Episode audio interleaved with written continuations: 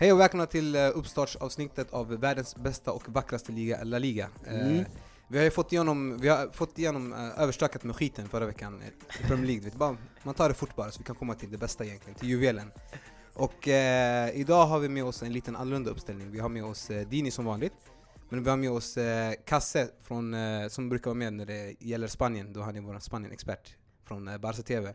Men vi har även med oss eh, Dejan från eh, Sveriges Radio. Tjo! Tjo tjo! För att Eh, väga upp Barca-fan här. Exakt, det är lite mycket Barca-fans. Du är behöver- själv också Barca-fan. Jag är också Barca-fan, så vi behöver hämta... neutralisera det lite. Exakt, men han är liksom ultra Real-fan. Så det Mm, blir så nästan exakt, så han, han är som två personer mot er. Exakt, och du blir liksom så här neutral, Ja. kan man säga. Jag får styra och ställa lite. Han ska vara domaren i det hela va? Exakt.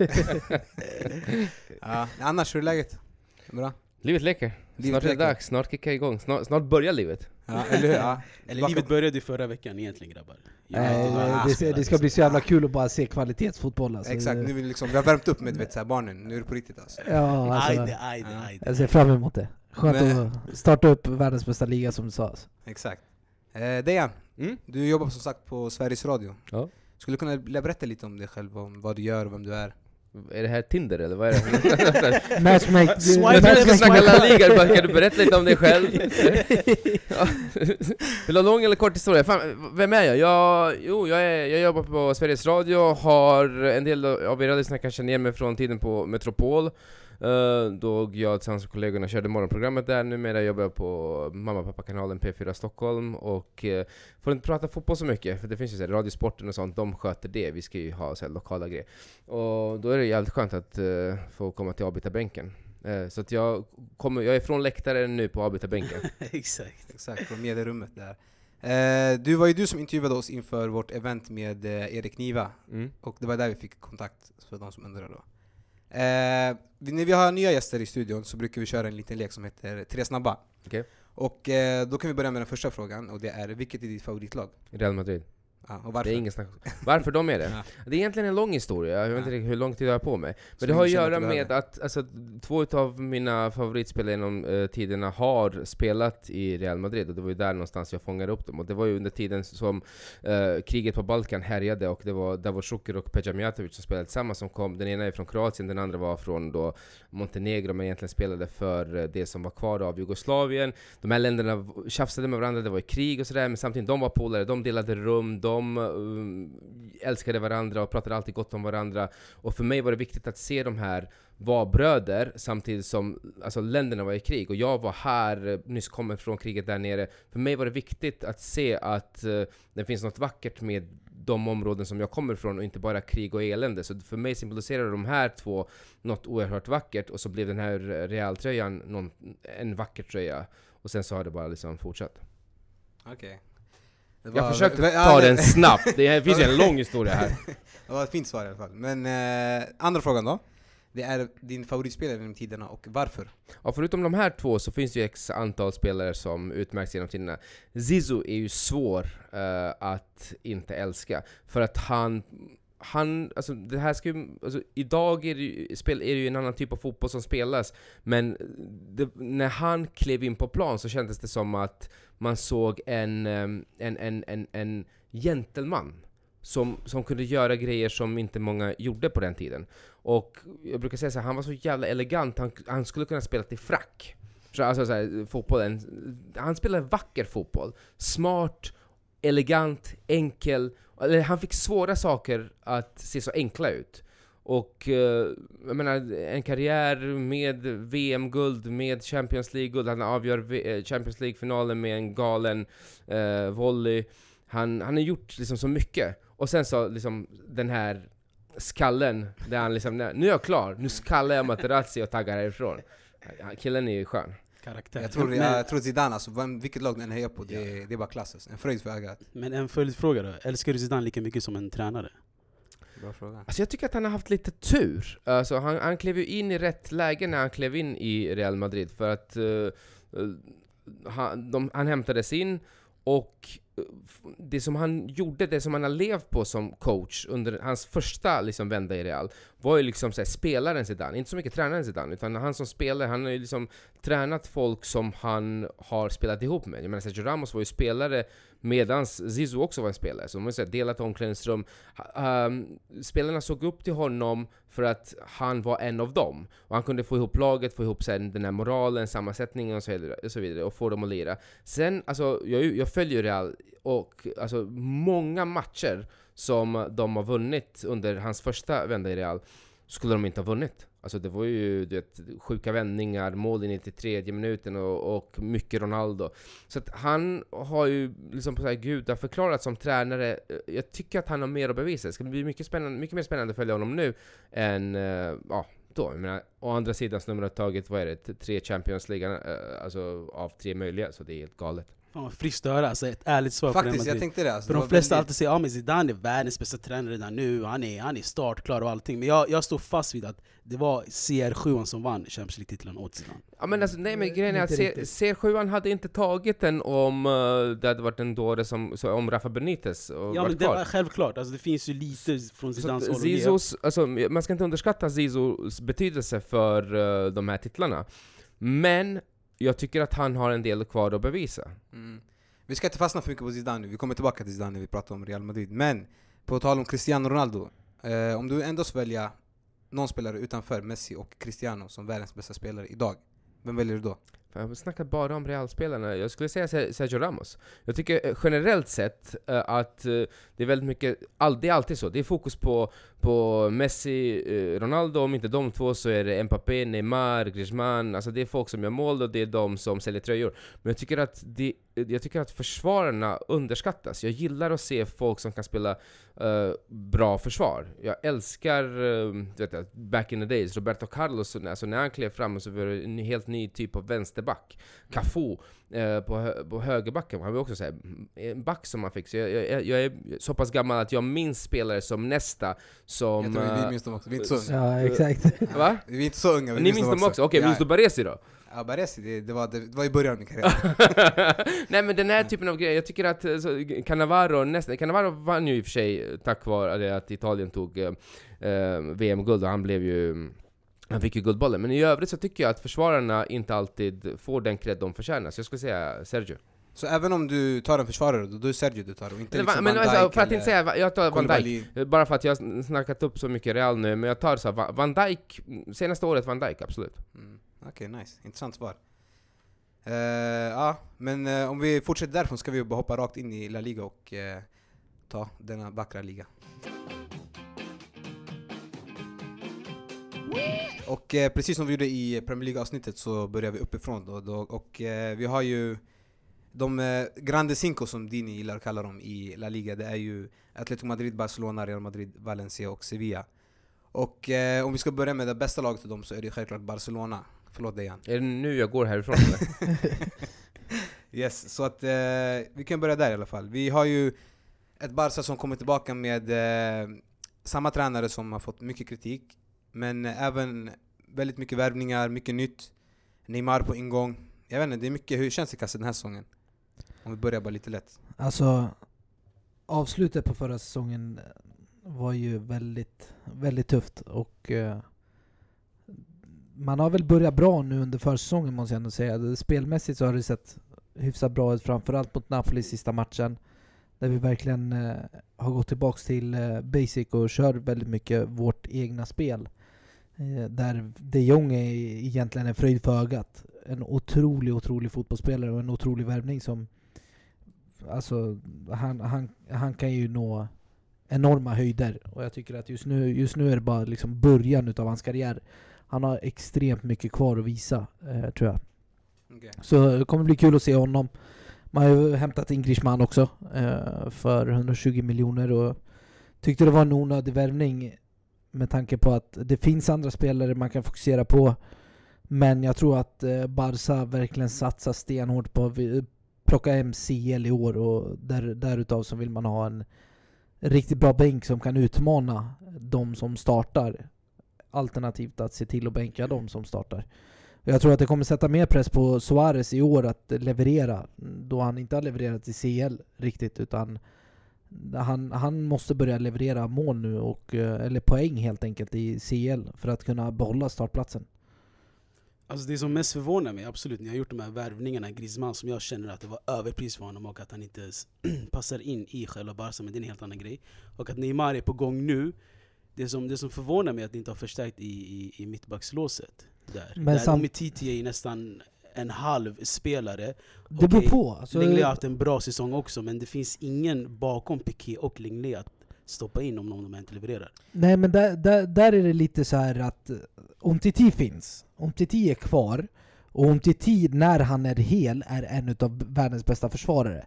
Och det går, det går inte att ta ifrån honom. När han är hel, då är han extremt, extremt bra. Än så länge så har det inte varit några problem med hans knä. Det har, det har gått rykten om att han har haft problem, men det har inte varit några problem hittills. Han har spelat försäsongsmatcherna, han har spelat 90 minuter och han kan även spela på Pikés position. Ja men rätta mig om jag har fel, det är, alltså, det är väl en skada som bör opereras som han själv undvikit att göra, eller hur? Nej, det är inte, det, själva historien har varit så här. Det har varit att Barcelonas läkarteam har rekommenderat han till en operation. Men det har funnits möjlighet till att skippa operation och bara rehabba bort den. Och det, det gjorde att han åkte till Dubai och träffade specialistläkare där borta. Och så påbörjade han sin rehab. Han ville inte operera. Och då påbörjade han sin rehab och då kom han överens med läkarteamet att ja men vi kollar hur det går. Och läkarteamet var, he var helt förvånade över att rehaben har gått så pass bra som den har gjort. Så då fortsatte han med den. Kom tillbaks och sedan fick han problem med knät igen och det var där allt ståhej blev egentligen med Umtiti och att ja, han lyssnar inte och Barca vill bli bort av med honom och det, det blev bara massa snack tror jag. Det var, jag tror inte det var så illa som det var utan han hade lite problem, det tar tid tills den försvinner och nu inför i år så kommer han vara där med en hungrig Legle bakom sig. Men det är det som är frågan då, en, eh, en hel Umtiti. Mm. är det han som går före Lenglet då? Ja, alla dagar i veckan. Alla alltså, veckan. Jag tycker Lenglet är en fantastisk fotbollsspelare. Men han har en del att bevisa fortfarande uppe i toppen. Jag, han har haft ett år, vi har köpt han till ett väldigt bra pris. Eh, och det är en spelare som verkligen kommer sätta press på både Piqué och på Umtiti. Men en hel om Umtiti går i, mitt, i mina ögon fortfarande före. Mm, okay. eh, sen har vi ju, om vi flyttar uppåt lite i mittfältet så har vi ju en hel eh, skolklass där uppe. Vi har, eh, vi har rutinerade Busquets, Rakitic och grabbarna, så har vi liksom de här nya stjärnorna. De Jong, Artur, Artur som är förvisso har varit en säsong men eh, Vi har Roberto som har flyttats upp till mittfältet, vi har Alenia, vi har eh, Ricky Puig. Det, det blir svårt. Coutinho också om man ska räkna kvar honom. Eh, Dejan, vad tror du? Är det, är det, är det, är det ett Alltså- lyxproblem eller är det ett problem att ha spelare? Jag vill först börja med att när det gäller Barcelona, så jag håller med i mycket som du säger där, att eh, det, det är mycket som ser bra ut och eh, försäsongen har varit helt okej. Men kan vi börja med att en gång för, tiden kast, eh, en gång för alltid kasta det här att Barca är mer än en klubb som satsar på egna talanger. När jag hör om alla de här värvningarna, så alla de här spelarna som du har nämnt, inte en enda är egen talang från Barcelona, så vi kastar det här att Ja, ja, men samtidigt så måste man även kolla. Jag, jag vet inte, när vi stängde La Liga så jag varit väldigt tydlig med att ledningen är problemet. Det är ett Okej. stort problem som Barca har just nu med Bartomeu som president, som satsar på helt fel saker. Han har sålt den ideologin man hade under Johan Cruyff, och det, det, det är absolut ingenting jag sticker under stolen med, utan det är precis som du säger. I dagsläget så är det inte samma Barca som det var under Johan Cruyff, utan nu fokuserar man på att värva stjärnor istället för att göra sina egna stjärnor. Jag har inga problem med att man gör det. Det är så fotbollsvärlden fungerar nu. Det är... mm, Engl de stora lagen i England gör det, de stora lagen i Italien försöker göra det, Real gör det, PSG har de satsningar. Jag, jag har inga problem med att göra det, men alltså, vi kan sluta hyckla. Jag är glad att du, gör, att du, att du erkänner det. Så att liksom, alla är... Det, är samma liksom... Alla är med på Fast- samma plan halva. Fast, fast grejen, om, alltså, angående det här med Skåne klubb, alltså, om du kollar på alla, de majoriteten av, inte plastfansen utan de riktiga fansen och liksom de som älskar klubben, de gillar inte det här. Nej, okej, för, fine. att, för, att, för att vi har alltid varit med i liksom, Men ni kommer alla glädjas åt en Champions League-titel? Absolut, men jag skulle inte Exakt. glädjas lika mycket som om det hade varit våra egna produkter. Ja men fast du, det. kom, Eller- det är inte så att du kommer säga ah yes vi vann Champions League, men fan att det inte var folk från uh, Alltså, Castilla. Jag, pe- personligen, personligen så var det, det var en fröjd för ögat att se 11 La Masia-talanger på plan under tiden vi hade Guardiola. Att se 11 egengjorda spelare, det var roligare att titta på nummer ett. Och man blev mycket alltså, glädjen var absolut större när man vann med ett sånt typ av lag än med ett lag som är ihopköpt och ihoplappat som det här. Exakt. Personligen. förstår All right, det- vi kan gå jag- tillbaka, jag ville bara... Ja. säga, det var nej, jag förstår om du kommer från en Galacticos... Eh, Ja. han är lag. van med sånt här. Exakt, det är så här man är inte van med tiden, att se ens egna produkter lyckas. Jag förstår det. Okej, Jag, jag, jag skulle kunna argumentera emot, de här, eh, mot den här diskussionen också, för att jag menar Barca har ju tidigare också Det har alltid gått i perioder. Ja, det, jag menar, om man tittar på Barca-spelare så är det, det om, alltså de här hjältarna, det är Koman, det är Hadji, det är Romario, det, du har eh, eh, eh, på senare tid också eh, holländare som har flugits in hit, hit och dit. Så att, att Barca bara alltid satsat på egna talanger är en myt. Ja, det är ingen, fantastiskt ingen PR, som. PR-maskineri står bakom det där, att sälja in liksom den katalanska flaggan och uh, självständighetsrörelsen i det hela. Alltså, jag fattar det, det är bara det att vi måste tala eh, att vi måste vara ärliga och, och konstatera att det finns myter, det finns sagor som är till för barn och så finns det sanning och fakta och sånt som vi inte kan eh, prata emot. Nåväl, ska vi ta oss till mittfältet? Yes, mitt Eh, och konstatera att det är precis som du säger, det är väldigt många spelare där. Nu ska vi också komma ihåg att transferfönstret fortfarande är öppet och eh, det är inte alls säkert att alla de här spelarna blir kvar. De jagar Neymar, Eh, det är inte säkert att eh, eh, om det skulle vara så att Neymar kommer till Barcelona så kommer det garanterat bli så att PSG, eller att det är någon eller några spelare som skickas till, till PSG. Det har snackats om Coutinho, det har snackats om Dembélé, det har snackats om Rakitic. Uh, basically, någon måste ju sticka, för jag menar, det, det går ju inte att hämta ytterligare, ytterligare en spelare, för du får inte plats. Även om du skulle ha råd, även om du, skulle, du har råd att betala deras galna löner så kommer du inte få ihop det, rent alltså spelmässigt. Det är det jag menar, så det är ett, lyx, alltså det är ett problem. Det är inte ett lyxproblem, det är ja, ett exakt, problem. Det är ett problem mer än ett Ja. lyxproblem. Det är det Det är ett problem och det är en ekvation som måste lösas. Jag ser inte ens, även om det skulle vara så att Coutinho, det har varit ett rykte, även om det nu, sist jag läste eh, idag, att eh, Coutinhos representant inte alls varit i Paris och Coutinho inte alls är på väg till eh, PSG. Men även om det nu skulle stämma att Coutinho skulle gå och Neymar kommer in, hur fan ska du få ihop det? Alltså, vad är det för taktik du ska spela om du ska köra med Neymar, Griezmann, med Suarez, Messi? Uh, alltså, vem ska spela försvar? Alltså för att jag menar... Det, det ledningen spelar Fifa, det är det helt enkelt. Men en viktigare fråga, alltså vill Barca-fansen ha Neymar? Eller är det mer att de vill inte släppa dem till Real Madrid och gör allt de kan för att hämta Jag tror att det har blivit lite av en prestige nu eftersom Real också är med och drar i det. Det är, galet, det är väldigt många rykten. Neymar själv är med och bidrar till det när han postar upp bilder på Instagram på Zizou. Mm. Och, och, och liksom så, så att han är ju med i leken. Han vill ju uppenbarligen bort från PSG. Det finns två klubbar som man kan hamna i, eh, Barca el- eller Real. Jag tror att han absolut först vill till Barca, för där har han sina polare. Han har ju liksom varit och besökt uh, Barca även som PSG-spelare liksom, och tagit Exakt. bilder med sina kompisar och sådär.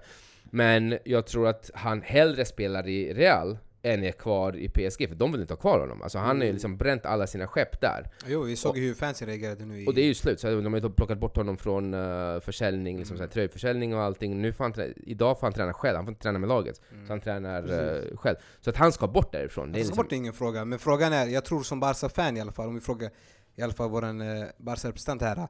Jag tror inte, jag tror inte alltså, att man är rädd för att han går till Real, för jag tror inte det är det som är problemet. Utan jag tror det handlar mer om, vill man ha tillbaka honom? Alltså som, som ett gediget fan. Själva spelaren Neymar, den kan man aldrig tacka nej till. Det är en fantastisk fotbollsspelare. Det är en, det är en sån talang han besitter. Men, men personen Neymar vill man inte ha tillbaks. Personligen. Mm. Jag vill inte ha Neymar som Ja, så kan du person. säga, det är ett helt paket. Ja, ja, men det är du klart, kommer få men- den här artisten, du kommer få den här uh, shunon som skadade sig i april för att gå på syrrans bröllop. Du kommer få allt i Ja, ja, paketet. men det är det. Så alltså, du, Spel- hur, du håller på spel- att bygga upp en, en, spel, alltså en fantasispelare nu som bara Nej, har råa inte. talanger av Neymar. Absolut alltså, det inte. Utan det, få handlar, det, handlar mer om att, det handlar mer om att själva spelaren Neymar, det är en fantastisk spelare och honom hade man aldrig sagt nej till.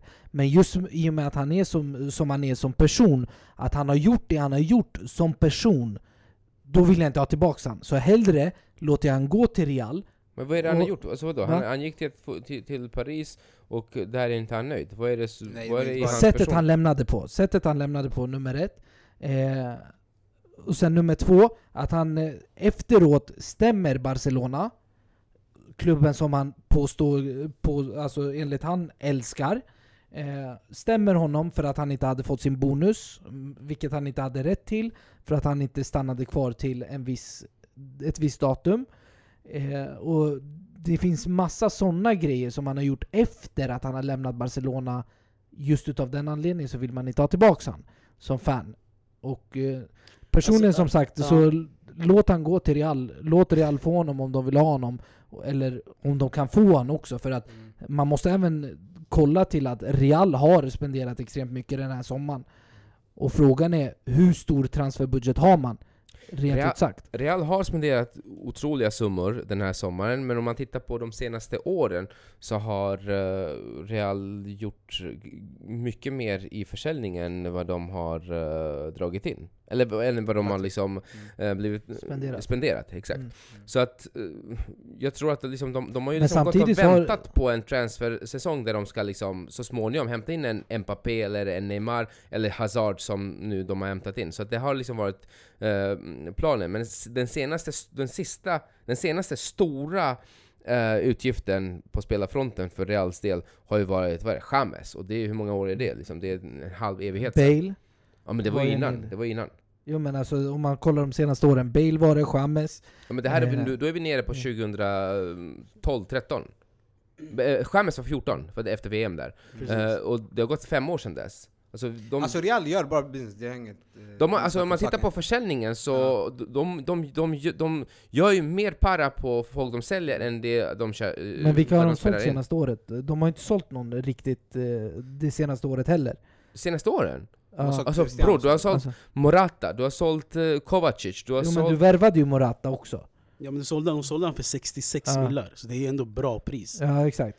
Så de gick 30 miljoner Ja, men alltså bara- gick, eh, Pe- Pepe såldes, alltså det, det har ju blivit av med, med, med, med spelare som har, liksom, som, har, som har fortfarande haft år på sig och gjort grejer i Europa och de har tjänat pengar på det.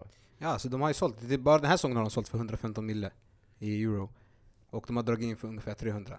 Nej, nej, så, att- så, Så att den här Real, säsongen är den första säsongen de men det har som, det in. som Real har gjort, varför de, varför de stora värvningarna uteblev tidigare, Ja. eh, så har det ju att Florentino Perez håller på och bygger om Santiago Bernabéu. Mm. och spenderar ga- galna pengar där och behöver ha eh, kapital för att kunna eh, göra stora investeringar i arenan. Mm.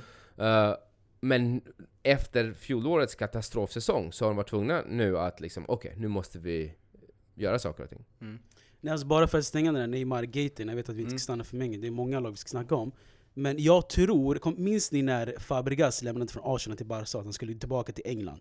Han Mm. sa liksom ah, jag ville först till Arsenal men Wenger ville inte värva mig så jag gick till Chelsea, så jag gick med gott samvete till lokalrivalerna. Jag tror low-key det är samma sak för Neymar nu. Han vill ge sig, alltså erbjuda sig till Barcelona, men om inte Barcelona kan liksom värva honom så kan han gott, alltså med gott samvete gå till Real Madrid. Jag, jag tror inte Bara det. för, utan- bara för att gö- göra peace med fansen i Barca, att lyssna, jag, jag Nej, ville verkligen komma tillbaka, men jag kunde inte. Jag, Alltså- jag, jag, jag tror den mentaliteten har För Neymar. även om, Alltså även om han absolut, går till Neymar, Real, Neymar kanske, kanske har den mentaliteten för att han har ju själv inte gått ut och liksom sagt att det är bara Barca jag vill gå till, även fa- fast Barca har Ja, bett han göra det. exakt, han måste, Men han han vill inte bränna sin bro. Han vill, Exakt. som, som Dejan sa, han vill bort från PSG.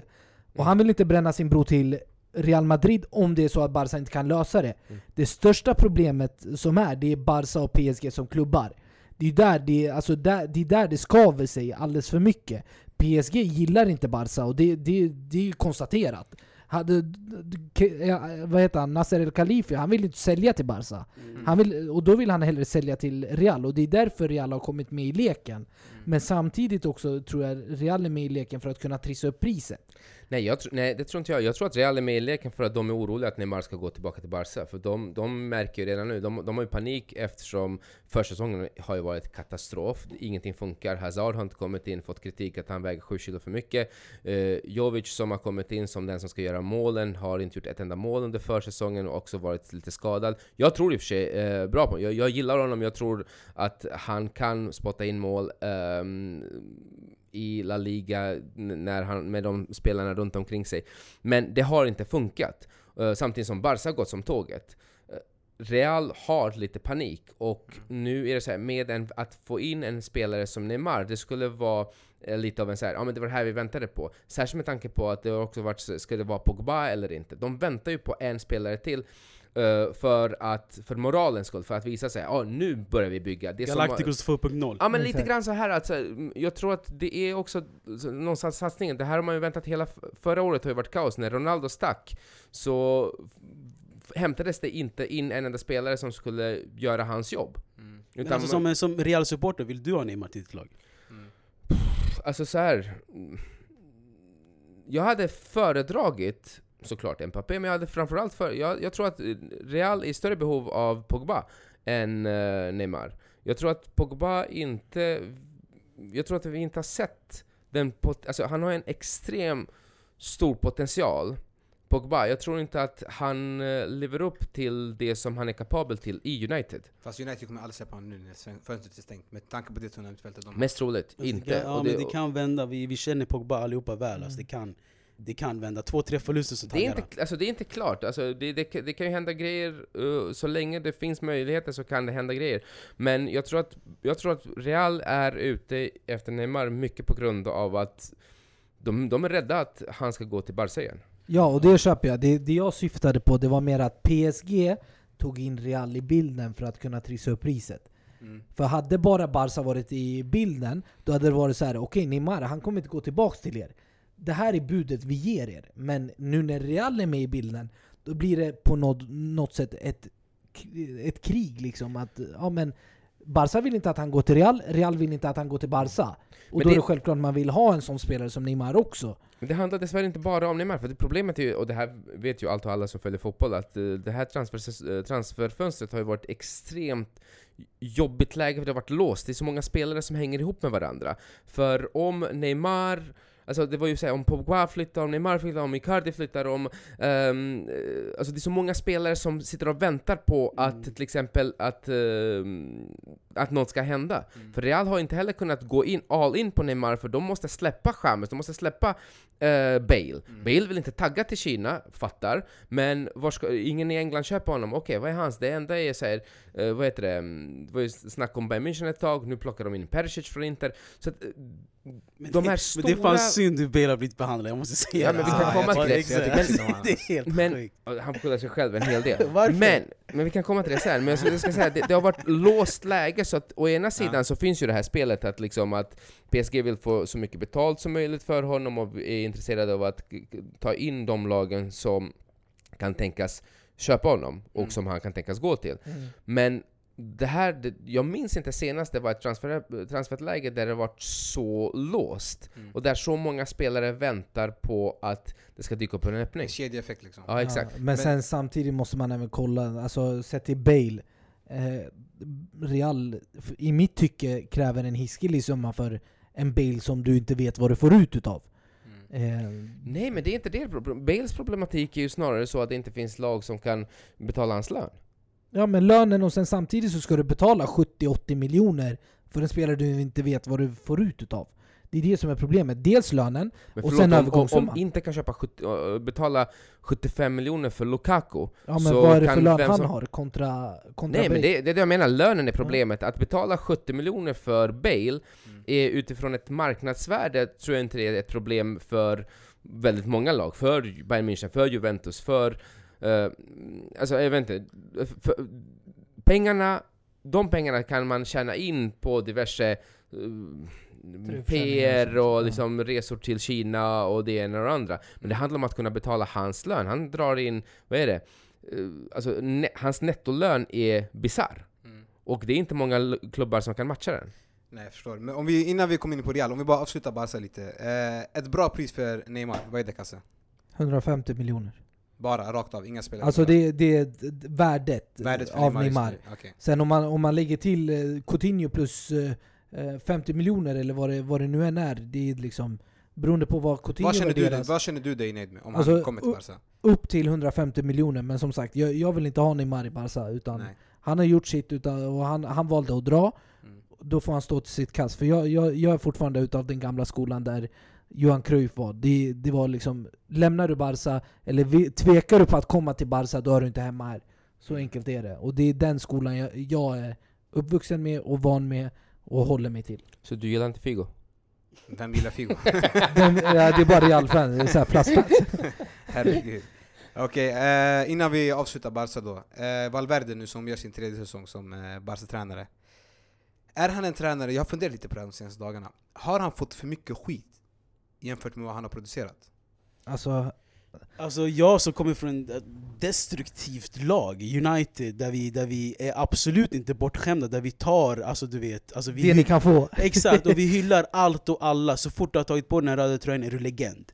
Eh, så jag tycker ni har varit superhårda mot Ernesto Valverde. Han har tagit, han har, han har, vad var det? Han har tagit ligatiteln och, och hans vad säger man, win ratio var ju sky high alltså.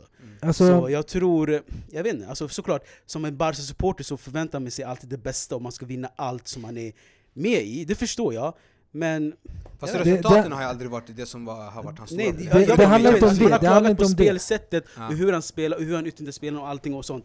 Alltså, jag det, vet inte. Det, det handlar mer, personligen så är det mer, jag tror att det är lite av en kedjeeffekt också. För att klubben handlar på det, alltså de, de agerar på det sättet de gör. Väldigt mycket bara spela marknaden och man har dragit bort fokuset från La Masia. Och då blir det automatiskt också lite på Valverde. Men Valverde han har fått spela material för att kunna, kunna leverera i tre turneringar. Han har verkligen haft spelarmaterialet. Men sättet han förlorar på, det är dels mot Roma, så förlorar han på ett sätt där det är oacceptabelt egentligen. Men fine, en gång är in, ingen gång. Andra gången så är det mot Liverpool, där du har en 3-0-ledning borta och helt plötsligt torskar du med 4-0 på det sättet som du gör. Och hur gör han det? Nummer ett, spelar inte på det sättet Barca spelar. Han, går, han har gått bort ifrån det gamla kända, om man drar inom citationstecken, tiki-taka. Men hålla bollen, dominera spelet, kallar jag det. Att dominera spelet har han gått ifrån. Han har gått till 4-4-2 där han fokuserar mer på att försvara. Det har inte funkat bra för försvaret har varit väldigt ihåligt och det märktes dels mot United när, när vi vann mot dem på Camp Nou. Ni kunde likväl ha gjort 1-0 efter knappt 10 minuter. Träffa ribban. Men eh, det, det har inte varit... Spelmässigt så har det inte sett bra ut överhuvudtaget. Samtidigt så får du spelare för att kunna spela ett spel och dominera spelet. Du har Messi i truppen, du har Suarez, du har Coutinho, du har Dembélé, du har spelare som kan spela fotboll. Du får Arthur, Busquets har det fortfarande, Piqué har det fortfarande. Det är, så här, det, det är spelare som... Du har en av världens bästa målvakter, och om inte den bästa med fötterna, Mm. Ter Stegen. Du kan bygga upp spelet bakifrån men du väljer att inte göra det. Det är där han har fått skit. Och sen framförallt, droppen var ju mot Valencia när de rent utav körde över oss i Copa del Rey-finalen. Vi hade ingenting att komma med. Mm. Kontrade sönder oss. Och du vet, det finns ingen spelidé bakom den mannen. Mm. I mitt tycke. Det finns ingen tanke bakom det spelet han kör. Utan det är typ bara, här har ni bollen, ut och spela. Det är det som har varit problemet. Men vadå? Alltså, okej, jag köper resonemanget och du har eh, väl underbyggd argumentation. Men så här, altern- har du något alternativ som du hellre skulle vilja se? För jag menar resultaten, om man tittar på resultaten så är det så, så precis som, som vi har hört, alltså det är ju, han levererar. Alltså Barca, de vinner ligan, final i Copa del Rey, visst där kan man ju säga att Valencia går, de vinner på vilja. Uh, Barca är mätta. Och vi- Nej, där, där var det taktiskt att han förlorade. Jo, men för alltså- de var bättre taktiskt. Jo men det är också att Valencia vill mer. Alltså, så, vad bet vem betyder den matchen mer för, Barca eller Valencia? Men, och sen de här eh, bomberna i Champions League. Jag fattar att du säger det är oacceptabelt, men det är också en del av det är sånt som händer i fotbollen. Alltså jag menar, allt, alltså, Reals torsk mot Atletico Madrid i träningsmatch 7-3 är oacceptabelt. Sånt händer. Jo men att du, för min del är det så här. som jag sa, mot Roma en gång är ingen gång. Sånt händer. Men vem Men att skulle du vilja inte ha istället för Valverde? Alltså Massimo du, Allegri. många, du, alltså, du har ju... Nej, Setien har du framförallt som är en utav toppkandidaterna i min bok. För Men du han, måste han, förstå också, efterle, han jag bryter efterlever men du måste förstå också att upplägget är ju att Xavi ska komma och ta över förhoppningsvis. Det Så det du, som- måste ju ha, du ska inte ha en tränare som du inte kommer ha för långsiktigt heller. Ja men exakt. Någon som Xavi, accepterar att de är där ett Xavi har ju ett tvåårskontrakt med Al-Sad nu. Och eh, han, han har sagt att han kommer vara där i två år. Men tanken är att han kommer om två år och då hade det varit perfekt att ta in en Kikiset igen som älskar Cruyff och lever efter de värderingarna han hade och då, han, han lever efter att dominera fotboll, fotbollsmatcherna. Han vill dominera bollinnehavet och vinna matcherna på det sättet. Men då, då kan man ta in han i två år och efter det ta in Xavi om man vill. Och då har man fått en bra grund för Xavi. Exakt. Nu får han istället ta över direkt efter Valverde som har satt sin ideologi, sin taktik. Eller ja, men också lite mer pragmatisk. Jag tror att ni också är lite förblindade, och eller ni är fortfarande höga på de för, eh, framgångarna som ni hade med Guardiola. Det var en, en once in a lifetime eh, generation som ni hade. Xavi, Iniesta, Messi, Primetime och så många spelare runt omkring som kunde spela den fotbollen som du vill se. Det är inte säkert att alla klarar av det. Alltså, även, den generationen, även om det är fantastiska fotbollsspelare som är idag, kanske även med Guardiola som coach, eller då om Xavi skulle komma, det är inte säkert att det kommer funka. Eh, många lag läste ju sönder Barca till slut, och liksom till och med, en, till och med så här, Chelsea kunde eh, manövrera ut eh, Barcelona som fortsatte, som fortsatte köra tiki-taka. Spanska landslaget fastnade till slut, liksom åkte på bomber när tiki-taka inte längre fungerade. Så att jag tror det finns ju en, en över tro på att tiki-taka är någonting som är oslagbart. Det var den generationen som skapade fuzz och var fantastisk. Jag är inte säker på att tiki-taka idag är garanti för uh, fem titlar per säsong. jag, jag håller inte med där. Alltså, om, vi, om, vi, om vi bara tar det till Guardiola i England. Det är så här. Han, han fortsätter med, sin spel, han, med sitt spel, han fortsätter med sin ideologi. Och han levererar titlar gång på gång. Han fortsätter att köpa spelare och misslyckas i Champions League. Ja, men han levererar ligatiteln precis som eh, Valverde. Varför ska vi inte, varför ska vi inte leverera ligatiteln genom att spela fin fotboll och misslyckas i Champions League? Än att spela en fantastiskt dålig fotboll och ful fotboll i mitt tycke och bara vinna ligan och misslyckas i Champions League. Då kan vi lika väl spela en fin fotboll, spela utefter Barsas värderingar och så som Cruyff verkligen ville ha det, än att spela så som Valverde gör. I mitt tycke, jag tycker inte Valverde är en tränare som passar Barcelona. Nej. Eh, Han är inte en dålig tränare, det är bara han att är inte en dålig tränare han är inte rätt tränare för Barca. Exakt. Utan man har Ten Hag, man har sett igen, man har Sarri som skulle kunna Mm. spela och sätta en fin grund Mm. för någon som kan efterleva sen Cruyffs ideologi. Hörni, jag älskar Barca jättemycket och eh, det har vi märkt kanske. Men jag, vi har snackat lite för mycket om Barca, så jag tycker vi går vidare till... Eh, vi hoppar lite ner i tabellen och eh, kollar på... Eh, vi, jag tänkte vi kan gå till Real Madrid innan vi går till Atletico Madrid. Och eh, eftersom att vi ändå har eh, Dejan här så kan han förklara lite varför ni haft en så dålig försäsong med eh, Real Madrid. Den är ju svår att förklara. Jag tittade, för det första så tycker jag inte att de matcher, jag har, sett, jag har inte sett alla matcher, jag har sett en del matcher, jag tycker inte att det ser så dåligt ut som resultaten visar och som um, rubrikerna har sett ut och som de har blivit nedskrivna i spanska medier. Uh, det är ju en försäsong. Det är ju träningsmatcher, ingen snack om saken. Det är mycket som händer de här matcherna, du byter ut halva laget 50 minuter. Alltså, så att jag tycker inte att jag, jag är inte, det är inte så oroväckande faktiskt. Jag tycker att Zidane är ju fortfarande där, han kommer, behöva, han kommer få behöva eh, jobba. Eh, och jag tycker att det kommer att bli spännande att se när transferfönstret stänger, huruvida det här är laget som han har jobbat med, eller eh, kommer vi få se ytterligare en värvning? Kommer vi få se ytterligare en Pogba eller en Neymar? För det förändrar ju läget ganska mycket. Alltså vi snackade ju om eh, Valverde nyligen, och tränare och så, och eh, i Real Madrid känner vi till historien. Så fort du bara kollar snett på Perez kommer han sparka dig. Men det känns som att Zidane har fått lite, vad ska man säga, eh, alltså Perez gillar Zidane, mer eller mindre. Så jag tror Zidane kommer få lite mer tid än vad Rafa Benitez skulle få, eller Jul- Julen Lopetegui eller Santiago Solari. Eh, men Zidane, jag tror Zidane har fått lite hybris. Är, Han har, så här, Var det rätt av Zidane att gå tillbaka också? Om jag får slänga in den också där. Jag, bara, jag, jag är så överraskad att han har gått tillbaka. Jag, jag förstår inte riktigt varför. Mm. Eller så här, vad har han att vinna på det och, och, och varför gör han det? Um, otroligt överraskande. Men så här, alltså, ja det är klart att Perez älskar uh, Zizou, det finns ju en lång historia de två emellan, det är en kärlekshistoria, liksom, historia, det är en saga.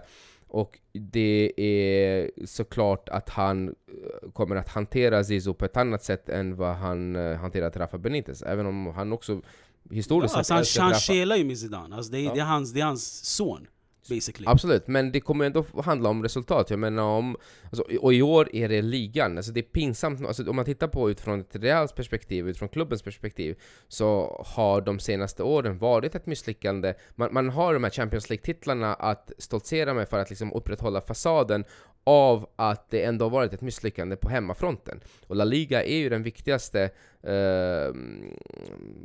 är turneringen, exakt, eller så, det, det är det viktigaste som, som Real Madrid, eller som, som, som alla klubbar, inhemska klubbar ändå så här kämpar för från vecka till vecka. Och det har ju också Zidane gått ut och sagt, att det är La Liga som eh, vi måste vi måste liksom återta tro, ton, tronen där. Och faktum är, om man tittar på ett, att Real Madrid de senaste åren, om man tittar vi 2000-talet, så, så är rekorden där för dålig för en klubb som Real Madrid. Real, jag vet inte, Sergio- Ramos har ju varit i klubben nu många, så här, en halv evighet. Han har lika många Champions League-titlar som han har ligatitlar.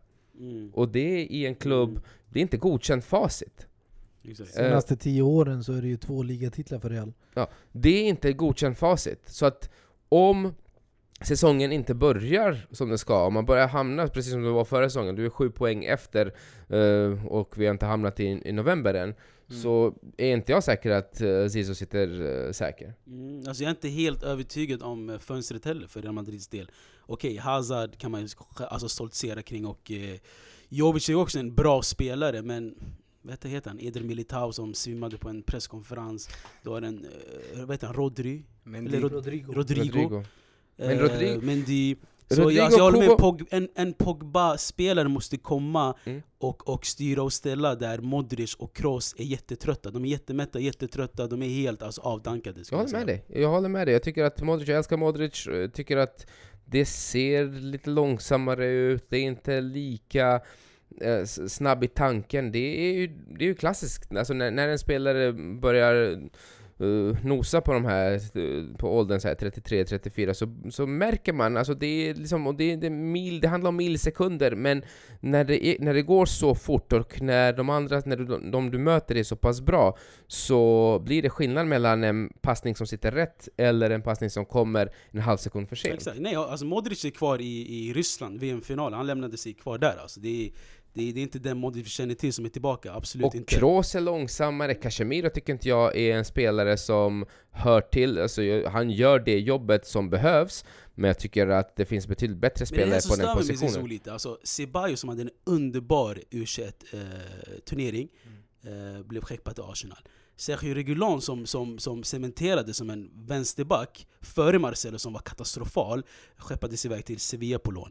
Så Zidane, alltså han, det känns som att han städar någonting som inte behöver städas i grunden. Han har ett problem, alltså jag tror att Zidane, så här, när han hamnar i clinch med en spelare så är det kört. Mm, det, det går, går, inte tillbaka. Precis. Eh, Ceballos är en sån spelare som liksom, det spelar ingen roll vad han eh, uträttar i landslaget eller så vilken, vilken fantastisk turnering han, han gjorde. Han var ju liksom över.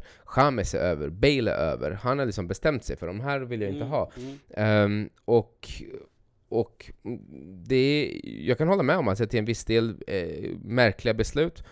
Men eh, det är hans principer och han... även, alltså, även hur han uttalar sig. Till Bale säger han, även med ett fjärde byte skulle jag aldrig byta in honom.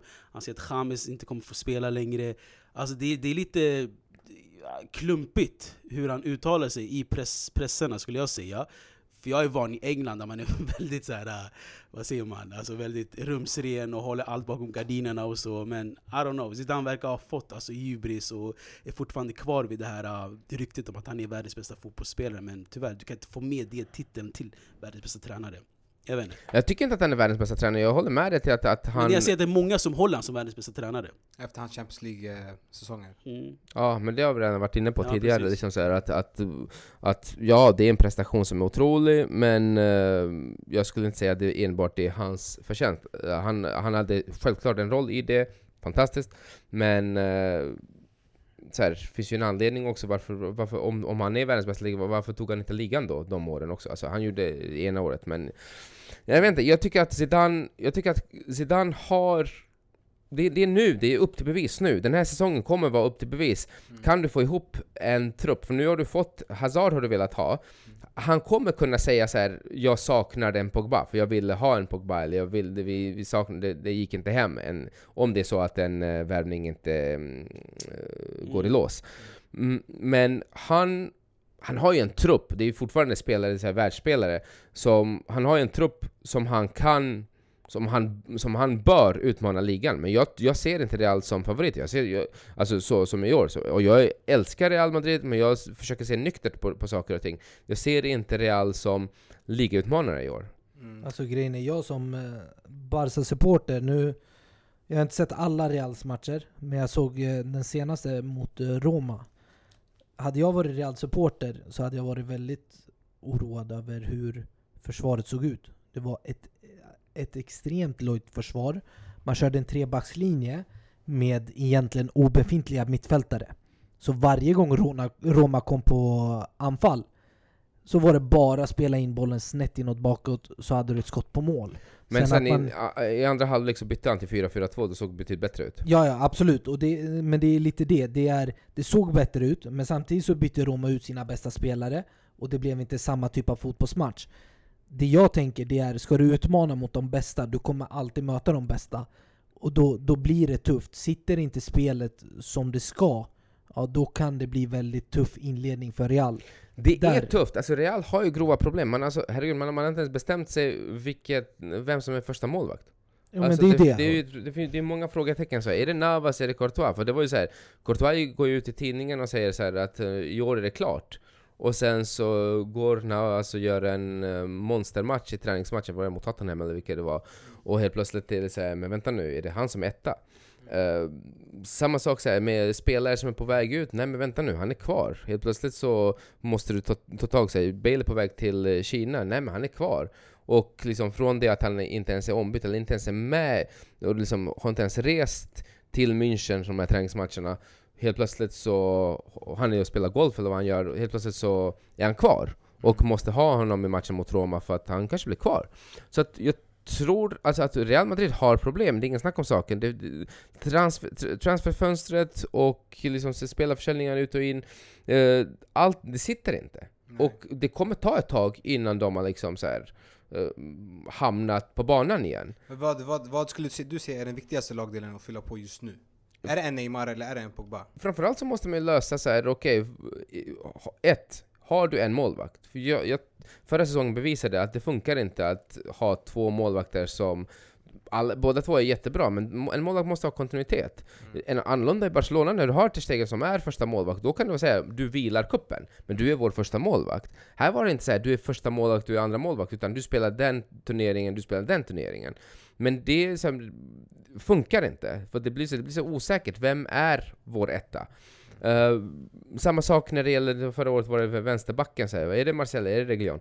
Uh, det var alldeles för många frågor och, och, som inte har besvarats. Jag tycker att i år har det varit så här, vad händer med Chamez? Ska han vara kvar i München? Nej, han kommer tillbaka. Vadå, ska han träna nu? Ska, ska han tagga? Ska han till Atletico Madrid? Nej, han är kvar nu helt plötsligt. Han får ha, han får ha tröjnummer.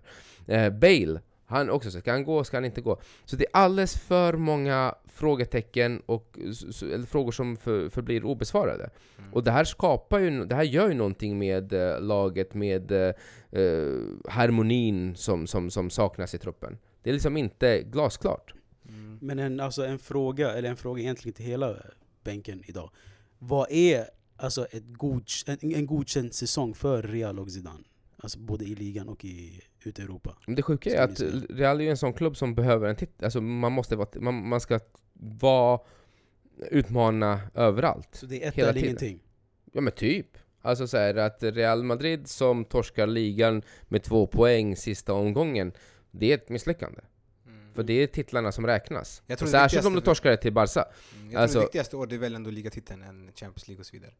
Jo, jo, 100 procent. Ja. 100 procent. För jag menar, och det var ju, alltså, om, menar, om du går till Champions League semifinal och torskar där mot, vad vet jag, egentligen spelar det ingen roll vilket så länge det inte är Barca, mot till exempel City, eller Liverpool, eller Juventus, eller vad fan som helst. Så, så kommer det vara så, ja ja, men vi har ändå de senaste åren vunnit fyra av sex eller vad fan det är. Mm. Så att det är ändå, och semifinal, det är inte fy skam om man vinner ligan, då kommer det ändå vara så här, ja men det är ändå godkänt. och kuppen, men skit, skitsamma att vi åkte ut i kvarten mot, I don't know. Men alltså det som är synd med sådana här lag, i Spanien speciellt, alltså, jag tycker det är nyttigt för ett lag att ha några skitår för att detoxa och du vet, bygga upp allt från grunden. För du kan inte rida på en och samma våg som 2002 eller vad fan det var, Galacticos-vågen. Jag, som United, jag är jätteglad att vi efter Fergusons år, att vi får ha de här skitåren och verkligen bygga upp, hitta vår identitet igen. Men både för Real Madrid och Barca egentligen, det känns som att man de får den här tiden att bygga om igen. Det ska gå snabbt, det ska gå hela tiden vinna, vinna, vinna. Så jag, jag, jag ser det fortfarande som att det är ett, ett, ett alltså bortskämt supporterskap från Barca-hållet och hela Spanien egentligen. Att ge de här lagen några år att, att bygga om igen, hitta sin identitet igen och hitta de här nya spelarna som ska kunna bära fanan igen för de Jag, jag tror inte att det är några problem med att ge dem några år. Problemet är när man inte ser några förbättringar. Det, jag tror att väldigt mycket med Real, det är att man inte har sett någon förbättring på de här tre senaste åren. Framförallt i ligan. I ligan, alltså att ligga så här långt efter Barcelona, då ska det vara extremt stort press. Alltså hade, hade Barca vunnit två ligatitlar utav tio möjliga, det hade varit en extrem, extrem press på Barcelona att kamma hem ligatiteln. Och det är samma sak i Real. För att du förlorar mot den, alltså den bittraste ärkerivalen du har. Och det är en sån sjuk historia mellan Barca och Real att Barca till exempel vinner sju ligatitlar på tio år och du vinner två. Det är extremt, extremt dåligt sett till supportrarna. För att man vill inte förlora mot rivalen. Men att du liksom att du har några skitår är absolut inga problem, men kollar man sett i ligan så har de haft skitår i tio år då alltså. Mm. Hur länge ska du ha några skitår? Eller alltså, hänger du med? Det, Nej, alltså, det är så här, alltså jag menar man måste- mer att ge dem, ge, dem den, alltså, ge dem den stämpeln att vi alltså under construction. Förstår du Men vad jag Jag jag, tror du är lite farlig ute där när du säger, säger att det behövs några skitår för att liksom kunna bygga upp från grunden och sådär. För vi ser de, de lagen som har gjort det, alltså det, det är inte så jävla lätt att komma tillbaka. Det Kolla på United, det. det är, struggling. Alltså det är struggle som pågår och har pågått nu ett tag. Och gud vet fan när ni kommer tillbaka. Alltså, kolla på Milan, alltså vad fan de, de är någonstans. Um, alltså det är inte så lätt, för jag tror att du kan ha ett år så, där du misslyckas kapitalt. Alltså verkligen så här, du kommer, vad vad vet jag. Men hamnar du utanför Champions League-plats typ två år, bror, det är alltså nedförsbacke Ja, ja, från helvetet. Men alltså, jag- För alltså, spelarna känner- går, alltså du vet, det är först nu som, så här, som de senaste tre åren som på något sätt Juventus har kommit tillbaka och blivit liksom så här, ja, Juve, nu är de ju stor faktor igen. Mm, mm. Men det är ett helvete. Kolla inte, de vinner Champions League, zoom, ner eh, Där i har du, avgrunden. nämnde Juventus som hamnade i Serie B och sen byggde upp det. De hade kvar Del Piero och några- och någon till, Buffon till. Jo, men Jo, de men är stannade, alltså extremt. stjärnorna stannade också. Extrem, många och också Zlatan extrem. bland många taggade. Men det jag försöker säga, eller Nedved stannade också kvar. Men det jag försöker Ja. säga är jag tror, alltså det känns som att Real Madrid håller på och bygger, fortsätter bygga det här tornet som håller på att rasa, men ni fortsätter bygga, bygga, bygga. Låt den rasa. Bygg upp något nytt. Precis som vi gjorde i Ja, United. men- men vet du, jag- jag 2012, trodde- det rasade. Jag trodde det. faktiskt, jag, förra året så trodde jag... Vi har byggt upp det, vart Ja men alltså när som helst kommer det rasa, men låt det rasa nu så ni kan bygga Fast upp du måste ett förstå, inte vara sådär, men Real Madrid är inte en sån klubb där man bara låter grejer rasa. Det här är alltså, du, som han säger, du förväntar dig en I titel varje know, säsong. Men det är alltså, nyttigt, det är inte, det är detoxa. Nej, men En titel, du förväntar dig tre. Så enkelt alltså det, det. det, är Ja, inte så det funkar. men hur Men så här, kan jag, vi... jag, jag trodde faktiskt att det, det där skulle ske förra året, när Ronaldo stack och Zidane stack. De hämtade in Lopetegui som tränare, som egentligen aldrig haft någon klubb, hade gjort bra ifrån sig i landslaget. Eh, men då var det så här, vilka var det som skulle bära? Det, det var egentligen inte några jättevärvningar som Real gjorde året, alltså förra året. Utan det som skulle bli Real Madrid, alltså eh, Real Madrid post eh, Ronaldo och post Zidane-era, det skulle vara yngre förmågor. Det skulle vara så här, Asensios år. Nu skulle Isco kliva fram som den stora eh, liksom, trollkarlen och liksom skulle bli, äntligen få shina. Nu, Luca Vasquez skulle Man helt hade ändå plötsligt... liksom- Bale också då också, som skulle Bale vara ta en utav stora, dem. Han skulle bli den stora stjärnan Vem? också. Bale. Bale. Ja, jo, Man hade ju honom liksom. Jo, alltså. man hade, det är klart att det fanns, men jag menar ändå, det skulle ändå vara, det var ändå de här unga Asensio, Luca Vasquez, eh, Vinicius. eh, Vinicius, precis. Det var, det var typ deras, nu, nu kommer det här nya gänget. Mm. Och sen blev inte det som man, alltså det blev inte så. Och sen så har det blivit bara så här, vad fan gör vi?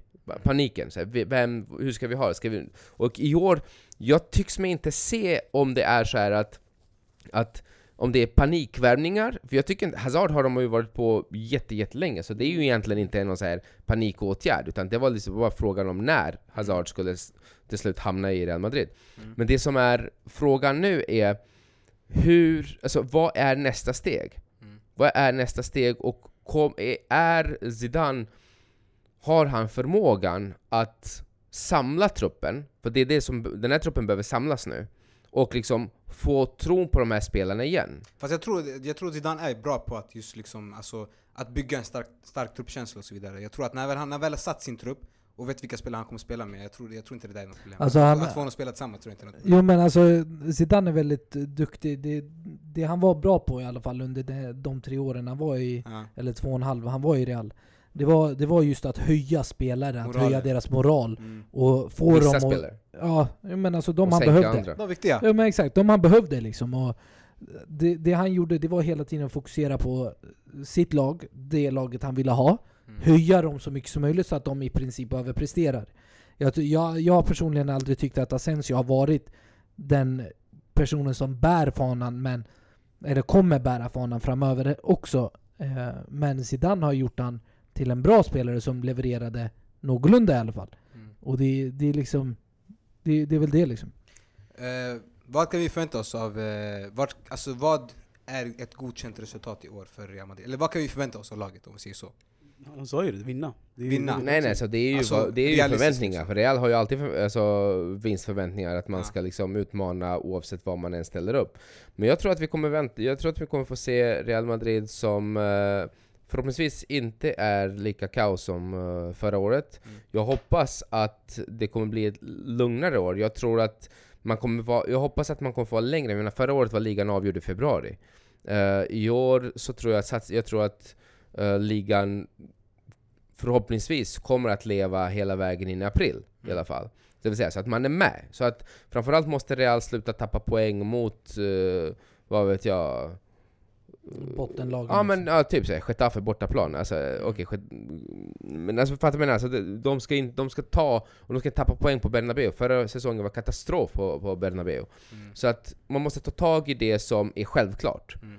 Och sen, jag menar, om Real stöter på City i Champions League och torskar mm, in, i, i gruppspelet och sen åker ut mot, vad vet jag, Juventus senare, så, så är det så här.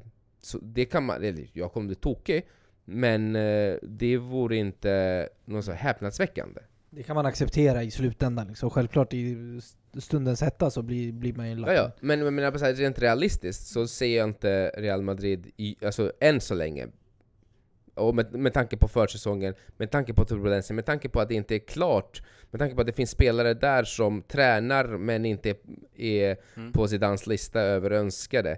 Sånt gör någonting med truppen och det är det som jag menar är eh, försvårande omständighet. Om vi håller oss eh, kvar i Madrid och eh, går vidare till eh, Atletico Madrid. Där vi har sett ett par nyckelspelare försvinna nu i, i sommaren. Griezmann, Rodri, Theo Hernandez. Men vi har ändå sett eh, dem göra ett par bra värvningar i eh, bland annat Jao Felix från eh, Porto va? Var det? Eller Benfica? Nej, Benfica. Benfica var det till och med. Vad eh, kan vi förvänta oss av eh, Atletico Madrid? Alltså först och främst, bra business. De värvade ju Rodri förra året för 25, sålde han till eh, City det här året för 60 ungefär, eller hur? Ja. Eh, och sen blev de av med Griezmann som mer eller mindre inte vill spela klar för Atletico Madrid. Och värvade en supertalang i Joao Felix. Alltså okej, jag var lite skeptisk till priset och så. Han är en skön spelare, men 19-åring för 125 miljoner, det är lite för mycket. Men han har visat att han levererar, första säsongen har varit helt underbar. Så eh, jag tror nog Diego Simone har något på gång det här året. Grejen är, jag tycker, jag tycker eh, utöver, utöver de värvningarna så har man ju hämtat Marcus Llorente på lån. Precis. Eller man värvade han kanske Från till Real med 40 Madrid. Eller miljoner. Billigt också, Ja. så att säga. Vad var det? 40? Mm, Om jag minns helt fel. Och sen har man hämtat Mario Hermoso, mittbacken, som var en utav de bästa i La Liga förra året. Kom från Espanyol. Eh, för 25 miljoner. I och med att man blev av med eh, eh, vad heter han? Lucas Hernandez till Bayern. München. Han gick för 80 tror jag, eller hur? Ja, Ja, man exakt. sålde Så han de, eh, de har, extremt det är bra business alltså. Eh, Trippier hämtar man för 20, Mm. Vilket var e- extremt liksom häpnadsväckande att en engelsman dels går för sån liten summa, men att det kom som en blixt från en klar, klar himmel. Lyckas behålla Savic, eh, Jimenez, eh, och sen har man en Renan Lodi på vänsterbacken som verkar vara en, en duktig vänsterback än så länge, eh, som han gillar. Eh, Simeone. Ja, ja, men han, är, han kommer se som första valet och Filipe Luis har lämnat och det är... Ja, han är ju första lämnat. valet. Ja, men Och han, ja. Det, men- det, är ju, det är ju en egen, egen eh, eller man har hämtat han från Atletico Paranense, men Mm. det, det verkar vara en duktig spelare och kanske en diamant som de har hittat helt gratis i princip. Och de har ju en hel del spelare som, som heter duga. De hämtade Felipe från Porto också, mittback. Så de har ju lite mittbackar att gå runt på. De har mittfältare i Hector Herrera från Porto också. Mm, precis. De, Angel Correa sägs vara på väg bort nu. Och Rodrigo Moreno sägs vara på väg in från Valencia. Precis, exakt. Och det, Om det är någonstans, det, jag tror det är anfallet de måste ändå förstärka. Okej, man har Diego Costa, man har eh, Morata och man har en Kalinic någonstans där bak i Mm. garaget. Men alltså, De Diego är Co- hemma, alltså såhär, Alltså Costa kan man Förlåt. inte lita på, och man kan inte lita på More, eh, Morata heller helt nej. Så Morata, jag tror man- Morata man känns som en liten till. spelare man kan slänga in i 60 minuten som kan Mm, ändra men matchbild typ. möjligtvis. Men typ. Så Morata, underskatta inte honom. Han är, han är bra. Han är bra, men det är bara det att han har alltid varit i någons skugga eh, i de lagen som, som han har spelat för. Och eh, inte kunnat liksom blomma Förutom i ut. Chelsea. Ja, Där hade han ingen skugga. men han ska, inte, han ska inte vara i Premier League. Han är hemma nu. Jag, tycker att, jag, tror att Atletico, jag tror stenhårt på Atletico Madrid. Jag kommer satsa pengar på att de tar, de tar La Liga i, i år, tror jag. Och jag ska förklara, för dels, du har redogjort för liksom spelarvärvningar och allt vad de har gjort. De har, de har tappat en del spelare, men jag tror de kan växa i, i stil med... Jag tror på Atletico Madrid är precis som du vet när, när, när Zlatan går till Barca för att vinna titlar och inte vinner Champions League, så tror jag att vi kommer få se Atletico nu ta titlar och Griezmann kommer stå och grina eh, någonstans och tänka vad fan har jag gjort? Eh, för Simeone, han har fått jobba ganska länge.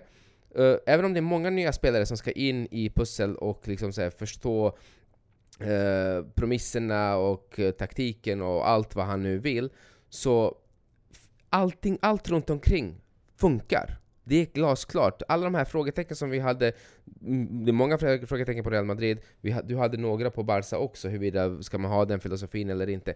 Sådana frågetecken finns inte i Atletico Madrid. Mm. Allt är självklart. Alla vet vem som ska göra vad, hur det funkar, vi ska bara in och kämpa. De vet vilka, uh, att, att de, de är inte favoriter, och det är också någonting som talar för dem. För det finns ju ingen, det är ju egentligen ingen press. Utan de, ska bara, de jobbar underifrån, lite alltså underifrån, det låter så sjukt att men det, Jag tänkte säga under radarn, men det är så sjukt att säga att Atletico Madrid jobbar under radarn med tanke på resultaten de har radat upp de tidigare åren. Men jag ser att de har potential att göra något riktigt stort i år. Jag håller med dig, alltså, det är ett kompakt, det är en kompakt trupp och alla, som du säger, alla vet vad de ska göra. Så.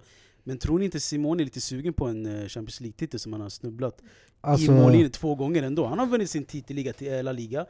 Tror ni inte han är sugen på en eh, alltså Champions sett, League? sett till värvningarna han, han har gjort så känns det som att det är verkligen att man har gjort värvningar för att kunna ha ett lag som kan konkurrera på de här tre fronterna. Mm. Alltså, man värvar inte in en Rodrigo för 60 miljoner för att bara kamma hem ligatiteln.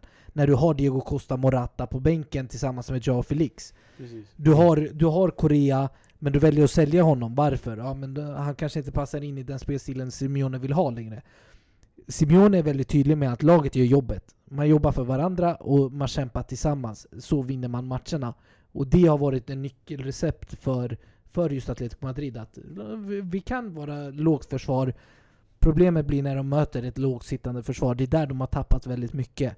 När lag försvarar lågt mot Atletico Madrid så har de inte lyckats vara spelförande. Men med spelare som Rodrigo, eh, Joao Felix och eh, Saul och Koke och de här, då kan de även vara spelförande och hitta de, eh, kamma hem de poängen för att hela tiden vara med i ligatoppen. Jag tycker att Atletico Madrids största uh, styrka tidigare, och av det jag har sett i försäsongen också, är att det är fan med enda laget när jag tittar på som har en tanke på hur de ska försvara sig in, alltså, även när de har bollen. Många lag spelar, de, de har boll, bla bla, när det blir av med bollen, okej nu ska vi ställa om till försvar. Atletico Madrid har inte det problemet, De- de är, de är i, pos, i positionen att försvara innan de ens blivit av med bollen. Mm. Så de är så jävla svårslagna och allting sitter... Klubben, det, är, liksom, det finns inga störningsmoment och det är oerhört viktigt om du ska försöka utmana Champions League om du ska, eller i i ligan eller någonting för att det finns inga störningsmoment runt omkring. Är de skadefria och eh, de får en bra start på säsongen så tror jag att de kommer bli livsfarliga. Dini, tror du att eh, Atletico Madrid är starkare i år än vad de var förra året? Alltså jag tror de, de blir starkare för varje år som kommer, hela tiden. Även om de tappar stjärnor för grejen är, de det, det som är viktigast här, det är att de har haft en och samma tränare jättelänge nu Och han känner klubben in och ut, ut och in Och han vet vilka spelare som måste förstärkas Alltså han kan Atletico Han räddade klubben. Precis. Alltså från konkurs, rakt Exakt. av. Jo, jo, det har jag ingen tvekan om. Det är Men, men är de starkare, tror ni att de är starkare i år än vad de Definitivt. förra jag alla tror dagar i. Jag veckan. Framförallt alltså- om de Jag får jag, också. jag tror att, liksom att Griezmann lämnar, det ger skjuts. De, det finns massa spelare där som säger okej, taggar du, men vi kommer lyfta. För det finns ju någonting så här, vi mot världen i Atletico Madrid. Mm. Eh, vi är inga divor, vi är ett gäng som kämpar, vi dör för varandra, vi går ut i krig. Alltså vi, vi ska ta det här. Precis. Det, och den mentaliteten kommer bära långt. Tillsammans med publiken, med en galen Simeone som står och hejar på allting. Alltså de, de kommer... Det är att, att de har tappat många, om man tittar på sig spelare de har tappat och framförallt storstjärnan Griezmann så kommer man tänka ja det är avbräck. Jag tror inte det. Jag tror att det kan ge dem, alltså, det kan ge dem extra kraft. Precis, och det blir en helt annan dimension tror jag, Atletico Madrid Och jag, alltså jag, jag ryggar det, jag tror, jag tror eh, Atletico Madrid tar hem det här i år Vi får se hur det går för eh, El Cholos grabbar. Men eh, om vi går vidare till Valencia som eh, tog en eh, fjärde plats förra säsongen. Eh, de har ju förstärkt lite i målvaktsburen, de har... Jag vet inte, har de förstärkt mycket mer än det eller? Ja, Har jag missat de, någonstans? Ja, ja, så de har ju Sillesen Ja. som de har hämtat. De hämtade tillbaks Mangala nu. Eh, gjorde det, klart City. med honom. Ja.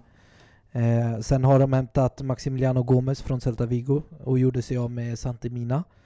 Nu, nu är det ett jättestort avbräck dock i, i form av Rodrigo om man går till, eh, till Atletico Madrid. Och det snackas om att André Silva ska komma in. Dock, dock är det inte en spelare som Marcelino vill ha in utan det, det är väldigt mycket, det här är också jättetumultartat i Valencia. Det har varit extremt mycket problem mellan eh, ägaren Lim och eh, Marcelino och sportchefen. Och det var ju nästan, nästan så att Marcelino och sportchefen avgick nu för eh, bara någon vecka sedan. Eh, dock så protesterade fansen emot det och eh, Lim och Marcelino bestämde sig för att sätta sig ner i ett möte och liksom försöka reda ut det. Tydligen var det positivt möte då. Marcelino vill ha Timo Werner som en ersättare till Rodrigo, vilket jag ser Jättefin spelare alltså. Jättefin spelare och exakt den spelartypen som eh, passar Marcelino. Eh, som kan köra både lågt och eh, högt försvarsspel. Eh, och han tillsammans med Maximiliano Gomez skulle, eh, tror jag, vara riktigt farliga med Gamero bakom. Sen har de ju Carlos Soler och Guedes som eh, nu får vara med från start. Eh, han kom ju in lite sent förra året när de värvade innan. Och möjligtvis en Ferran Torres eh, som kan leverera och Kang In Lee som Lim vill satsa på extremt mycket Mm. tydligen. Och de hämtade in också, glöm, eller vet han, Jami Costa Från Villarreal på lån Ja. Underskattad, alltså vänsterback skulle jag säga, har någon eller två landslagskamper i Spanien om jag inte helt fel Börjar komma upp till åren lite, men han är också en, en spelare och det var ju för att de blev av med den där blonda Tony Lato eh, Mm. som var reserv. Precis. Eh, de har ju Gaia egentligen på vänsterbacken som är otrolig Mm. eh, i mitt tycke. Han är jätteduktig. Och Mm. hade kunnat gå till egentligen vilket topplag som helst i Europa men har, har stannat kvar än så länge. Och sen Anton. har vi en Dani Parejo som är ja, general i som, mittfältet som levererar hela tiden. Precis. Eh, så- Alltid mot Real Madrid vill jag bara tillägga. Exakt. Den jäveln. Exakt. Som vanligt, alla spelare som lämnar Real gör ju mål på Real. Men alltså, jag tycker att Valencia har, har alltså, det är, jag tror de är starkare i år jämfört med förra året. Eh, men avbräck, om de tappar Rodrigo, så, så tror jag att de kommer få det svårt att utmana... Jag, tror, jag ser inte dem som utmanare till La Liga. De, I bästa fall att de kan eh, ta alltså, kuppen igen, liksom, att det, ta den titeln. Precis, precis. Där någonstans. Och, och sen handlar det om så här, okej, hur många matcher kan du, alltså kan du ta, kan du vinna över Atletico hemma? Kan du ta poäng på bortaplan mot Barca eller sådär? Så att, men, men jag kan inte se dem i långa loppet utmanare. Alltså de måste, blir de, blir de av med Rodrigo, då måste de ersätta han. Ja, de har Med rätt, rätt anfallare. André Silva är inte rätt anfallare och det märkte vi i eh, Sevilla. Han var bra första 5-6 matcherna, sen Precis. fasades han ut i ligan. Mm. Det var lätt att läsa honom och lite sådana saker. Utan hämta rätt typ av ersättare, då kan det bli bra ändå. Ja, men jag tror, alltså, jag tror Marcelino hade ju alltså, han hade en knackig start i säsongen, men kom med en stark vår.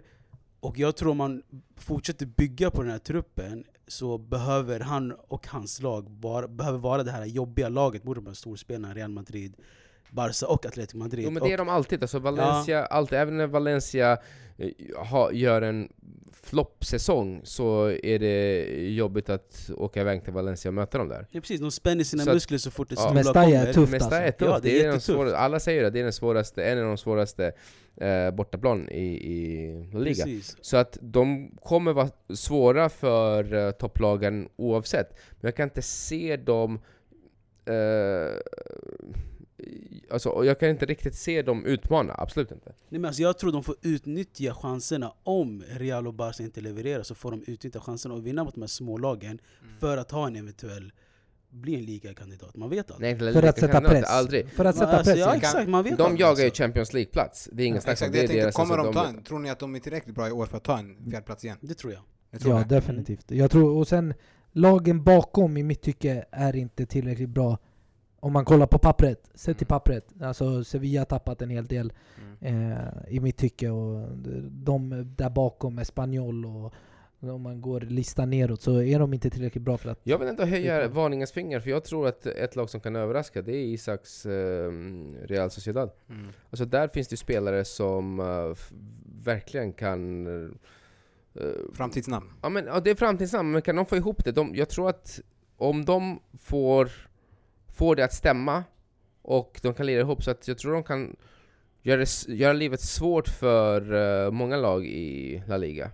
Så är det. Och det är inte bara så att det är inte bara, jag menar, det är klart att vi kommer ha extra ögon på dem eftersom uh, Alexander Isak är där, men du har Odegaard, du har uh, Oyarzabal som är kvar, som var på väg bort. till Bayern München. Ja, som om. fick, som fick vara kvar. William José har du har Porto som de har hämtat in från Granada som jag tyckte var otrolig spelare i, eh, eller eh, Girona. Eh, Och United-legenden Adnan Januzaj. Ja, Januzaj. Mm, precis. Sen Zubeldia har du också ung spelare som är från deras egna lag. Aramendi som är tillbaka. Mm. Alltså de har, Exakt. som du säger, de har, de har ett talangfullt lag och får de det att stämma då absolut så kan det bli kan det bli liksom eh, farligt. Diego Llorente som även han var en av La Ligas bästa eh, Mm. mittbackar. Jag tror återigen att Sociedad, får- kan de få ihop det stämma och, Mm. och så kan de göra det svårt. Jag, jag ser dem som, alltså, jag är mer nyfiken på dem än Valencia. Mm. Och så vidare. Men jag, alltså, det ska, jag, jag ska säga så här, jag ger inte min högra hand på att de tar fjärde platsen men eh, jag skulle tycka det var skitkul och jag tror att de, det finns en, det är inte helt omöjligt. Nej exakt, jag hoppas se en kamp mellan Sevilla, Valencia, Real Sociedad och eh, Real Getafe. Madrid. Oj!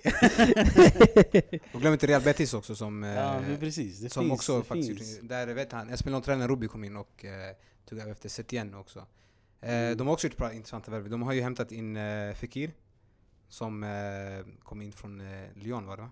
Borja Iglesias blev klar idag tror jag. Ja men Ja precis. just det, ja, precis. Anfallaren Borja Iglesias. Eh, 43 matcher, 20 mål.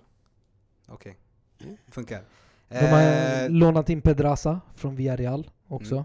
Mm. En eh, de har kvar underbar Car- spelare. Carvalho på mittfältet. De har... Eh, Mm, Tappade Firpo, ja, tyvärr gjorde de. Och, och eh, succétränaren Kiki Setien. ja. Mm. Hur länge pallar Joaquin då? Joaquin? 40-åring? 38? Ja, han, han, han pallar alltid. eller?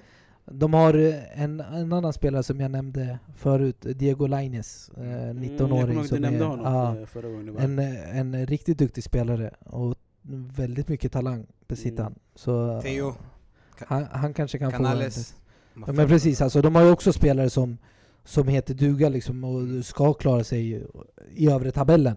Mm. Sen som sagt, allting handlar om hur mycket du får spelet att lira och Mm. eh, mot Allting de här handlar om hur topplagen. du skulle säga tränaren. Ja, Allting, exakt. Han gjorde det bra med Espanyol så jag tänker varför Ja. inte? Ja men precis, sjundeplatsen ja, liksom. varför, nu egentligen, jag kommer inte ihåg varför taggade Setien? Var det, Nej, de det bröt var, upp bara båda två, eller hur? Ja, det var ömsesidigt om inte jag minns helt fel. Och Mm. sen snackades det mycket om att Setien skulle ta över Espanyol. Och Mm, det, var, det funderar. kändes som att det var i princip klart med Espanyol om inte jag minns helt fel. Det var någonstans, det var klart men inte Mm. officiellt. Eh, nu är han utan, utan, klubb, utan, utan klubb och Espanyol utan tränare fortfarande vad jag vet. Nej, de, eh, vet han, Gallego tog över ju. Eh, B-lagets tränaren. Ja, Han gick upp och tog över och eh, det ser ut som att man får, Får de kommer se. satsa på honom ser det ut Ja. som. får se hur det går för honom. Ja. Eh, om vi går vidare till eh, Sevilla som eh, eh, har värvat in Lopetegui som har gjort en, rutschkana från eh, förra sommaren när han skulle spela V, eller vad var det? Ja, förra sommaren. När han skulle spela VM. Mm. Och tog över Real Madrid och bara åkte ner och ner och ner och nu hamnar han i Sevilla. Alltså det, jag tycker så synd om den här killen, och, så att jag unnar honom. Jag hoppas att Sevilla vinner allt som går att vinna. Alltså Men riktigt. alltså, om, du, om, om du var Julen, skulle du inte alltså, vanish från Spanien? Skulle du inte tagga typ, så här, till Super League i Turkiet eller ta över Fenerbahce eller Besiktas? Jag hade aldrig gjort det. Alltså han är i Spanien, han är hatad av alla. jag, tror och- att, jag tror att Sevilla är rätt klubb för honom. Jag tror det också, men jag tror alltså Gå ett eller två år, låt folk glömma bort vem du är, sen komma tillbaka till Men det kommer folk inte göra, för det, det går inte. Jo, men det men det är som, det är som, heter. Det är som vad heter han? italienska förbundskaptenen som förlorade mot Sverige. Alltså personligen, personligen så tyckte jag, tyckte jag att uh, Lopetegui inte fick en ärlig chans. Just i och med att han inte fick några värvningar nummer ett. Mm. Och han, han blev av med sin... Han blev av med 40-50 mål på en säsong.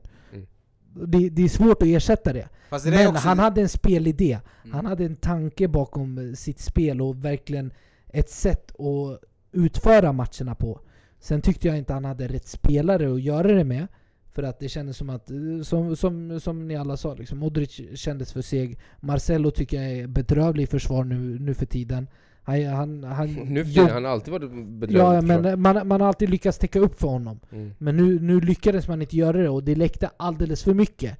Och jag tyckte man tog ut det på Lopetegui som i mitt tycke var helt fel. Men jag tror att i, i Sevilla så kommer det inte vara samma typ av press. Men här Han kommer han få ju sin också, tid. alltså, han kom, kom ju dit när han förlorade Ronaldo, eller hur?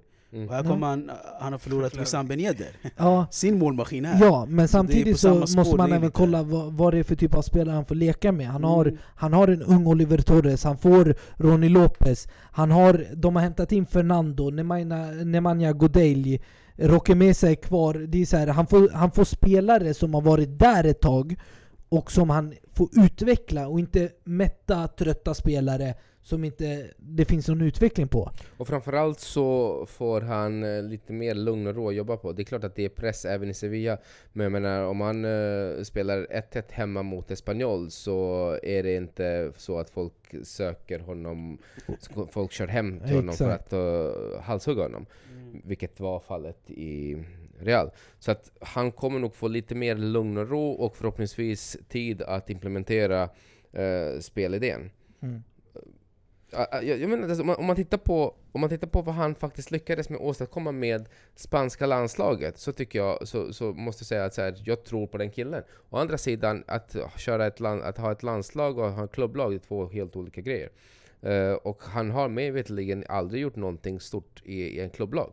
Så att det är ju frågetecken på Lopetegui. Nej, han var väl, i- det var väl i Porto om inte jag minns helt fel. Han var, eller var var han i Mm, Porto någon gång? mm, mm, Visst hade det. han en sejour i Porto det, ja. där han var rätt duktig tyckte jag. Han hade bra spelidé och lyckades med de spelarna han hade göra, göra det bra. Alltså jag, men det är så, som du säger, alltså jag tror att Sevilla är rätt lag. Dels för spelarmaterialen som finns där. Eh, men samtidigt att han verkligen kommer få sin tid och göra, implementera sin spelidé och utgå utifrån det. Tror jag definitivt. Vad tror ni att, eh, blir det en, blir det utanför Champions League-platser igen i år? För Sevilla? Eller känner ni att de är tillräckligt starka för att kunna ta en Champions League-plats? Får Jag han, tror inte Det det. börjar bli väldigt tajt där uppe nu. Jag tror inte det. Och Samma sak där. Får han ihop spelidén så absolut så har de en chans till det, men nej, det tror jag inte heller. Mm.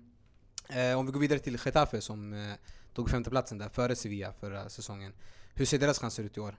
Har de gjort några bra värvningar? Har de eh, tappat bra spelare? Alltså jag tror det var one, once in a lifetime. Alltså, de kunde gjort som Atalanta kom inte fjärde plats Men that's about it, jag tror de kommer alltså, fasas alltså, ner och ner nu. Alltså, det, är- det är kört, Ja, jag. alltså de var ju också ett sånt, ett sånt lag som levde på försvarsspelet där man jobbade lågt och eh, satsade mycket på omställningar och jobbade för varandra. Sen har de ju Alltså de, spe, bästa, spel, de, de bästa spelarna, liksom Molina och Jaime Mata, de är ju över 30.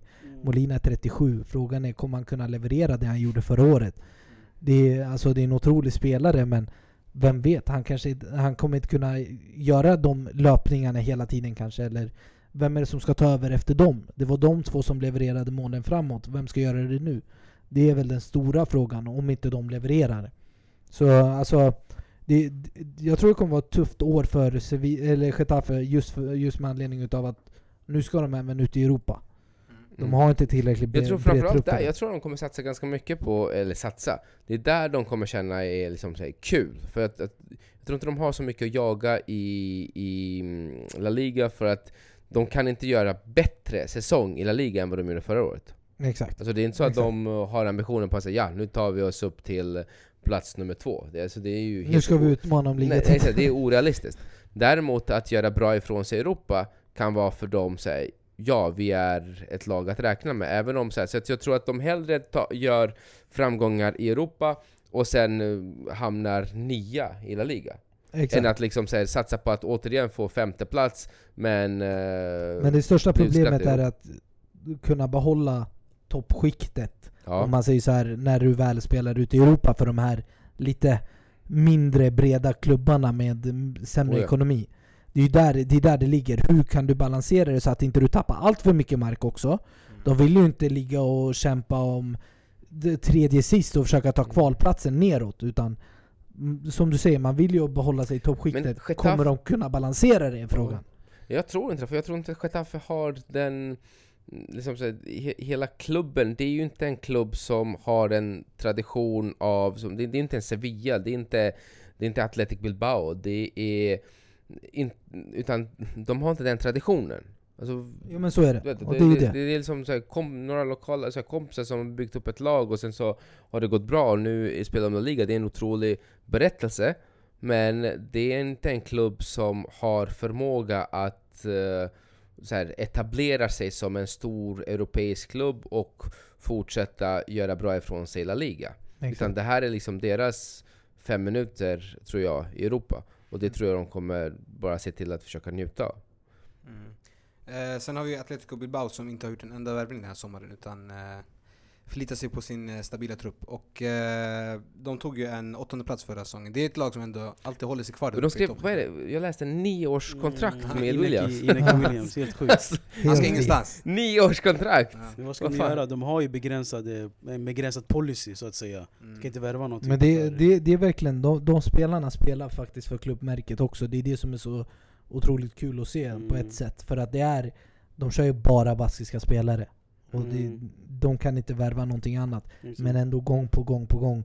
Och vara en utav den klubben som inte åkt ur La Liga tillsammans med Real och Barca. Extremt stort i mitt tycke.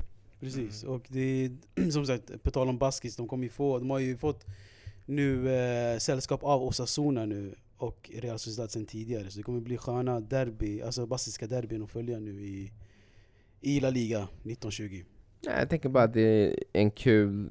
Det, det är alltid kul att se matcher eh, som Bilbao spelar på hemmaplan. Hängiven publik och eh, gör bra ifrån sig. Men det är liksom... That's it. Är. Sen, sen måste man ju säga att de hade en bedrövlig höst de också förra året. Mm. Eh, innan Gaisca Garitano kom in, då, det var ju verkligen... De låg ju pyrt till, alltså, minst sagt. Och eh, Gaisca Garitano lyckades styra upp det och ändå plocka hem en åttonde plats från att ligga sist. Det var extremt starkt gjort med den truppen de har. Mm, men Sen jag tror alltså, alltså Bilbao, alltså de, de värderar mer stolthet än, än ligatitlar. Okej, du kan ha Definitivt. Du, du kan ha slagit ut United en gång i Europa League, kommit till final och mött Atletico Madrid, men that's about it. Alltså det är, de är nöjda med så tror jag. Det, Ja, ja, De absolut. är nöjda med att de är så stolta att de, de representerar eh, eh, baskerna liksom. Definitivt. Kan vi förvänta oss att de tar en Europaplats den här säsongen eller känns det ganska mellanmjölk eller? Nej, jag, jag tror de tar en eh, alltså Europaplats. Det tror jag faktiskt. Jag tror att Garitano har nu fått jobba eh, i ett år med det laget. Eller ett halvår åtminstone. Och nu får han sätta sin, sin prägel på alltihopa direkt från start. Garitano har varit en duktig tränare och han, han är också sån där väldigt, väldigt hårt jobbande tränare där du ska jobba hårt för laget och klubbmärket. Och gör du det på San Mames så kommer de plocka, plocka hem poäng. Det, det kommer inte vara några konstigheter. Framförallt mot eh, bottenlagen. Eh, Så jag tror absolut en sjätte, sjunde plats är inga konstigheter för Bilbao. Mm. Eh, sen hade vi ju Sociedad som sagt som vi snackade om och Betis. Eh, Alaves med eh, John Guidetti i spetsen. Vad tror ni? I spetsen eller fry, frysboxen. I frysboxen? Nej men är det hans, eh, är det ett bra val för honom att ha kvar? För som det såg ut förra säsongen, det var inte så mycket spel från hans del. Absolut inte. Han borde, han borde lämna, alltså han borde söka sig bort och eh, Men var kan alltså han gå på, no, på något sätt inte vara stolt utan acceptera att han kanske måste vara i en mindre liga så som det var när han var i Holland. Acceptera det. Alltså att du inte kan vara i toppligorna, det är inte hela världen. Han har redan varit där, han har försökt och han har gjort sitt bästa. Nu vet jag inte om det är stolthet eller vad det kan bero på, varför han inte lämnar. Det är väldigt lite rykten om honom. Och sen kanske det inte finns intresse riktigt för att plocka in Gudetti. Men alltså, ett lag i Holland hade varit alldeles perfekt att köra topp Mm, top tre alltså, till Feyenoord, alltså, ja. gå tillbaks dit. Alltså, alltså jag står fast vid att Johnny G en- har stor potential fortfarande. Och det ser jag inte bara för att vi kanske håller på att dra i trådar att han ska komma till avbytarbänken. Mm. Men han är en fantastisk spelare. Men jag tror han måste liksom eh, veta sin kapacitet, lite som du säger Kasse. Eh, men Holland är lite för litet för honom. Jag skulle kunna se honom igen i Portugal. Eller i, i England kanske. Det gick inte vägen för han i Stoke, men någonstans där, något ett bra mittenlag där han kan cementera sin plats någonstans där han inte blir bortglömd tror jag. Någonstans skulle passa han, John Guidetti. Ja, alltså grejen är, jag tror att det laget som värvar Gudetti ska inte förvänta sig 30 mål riktigt.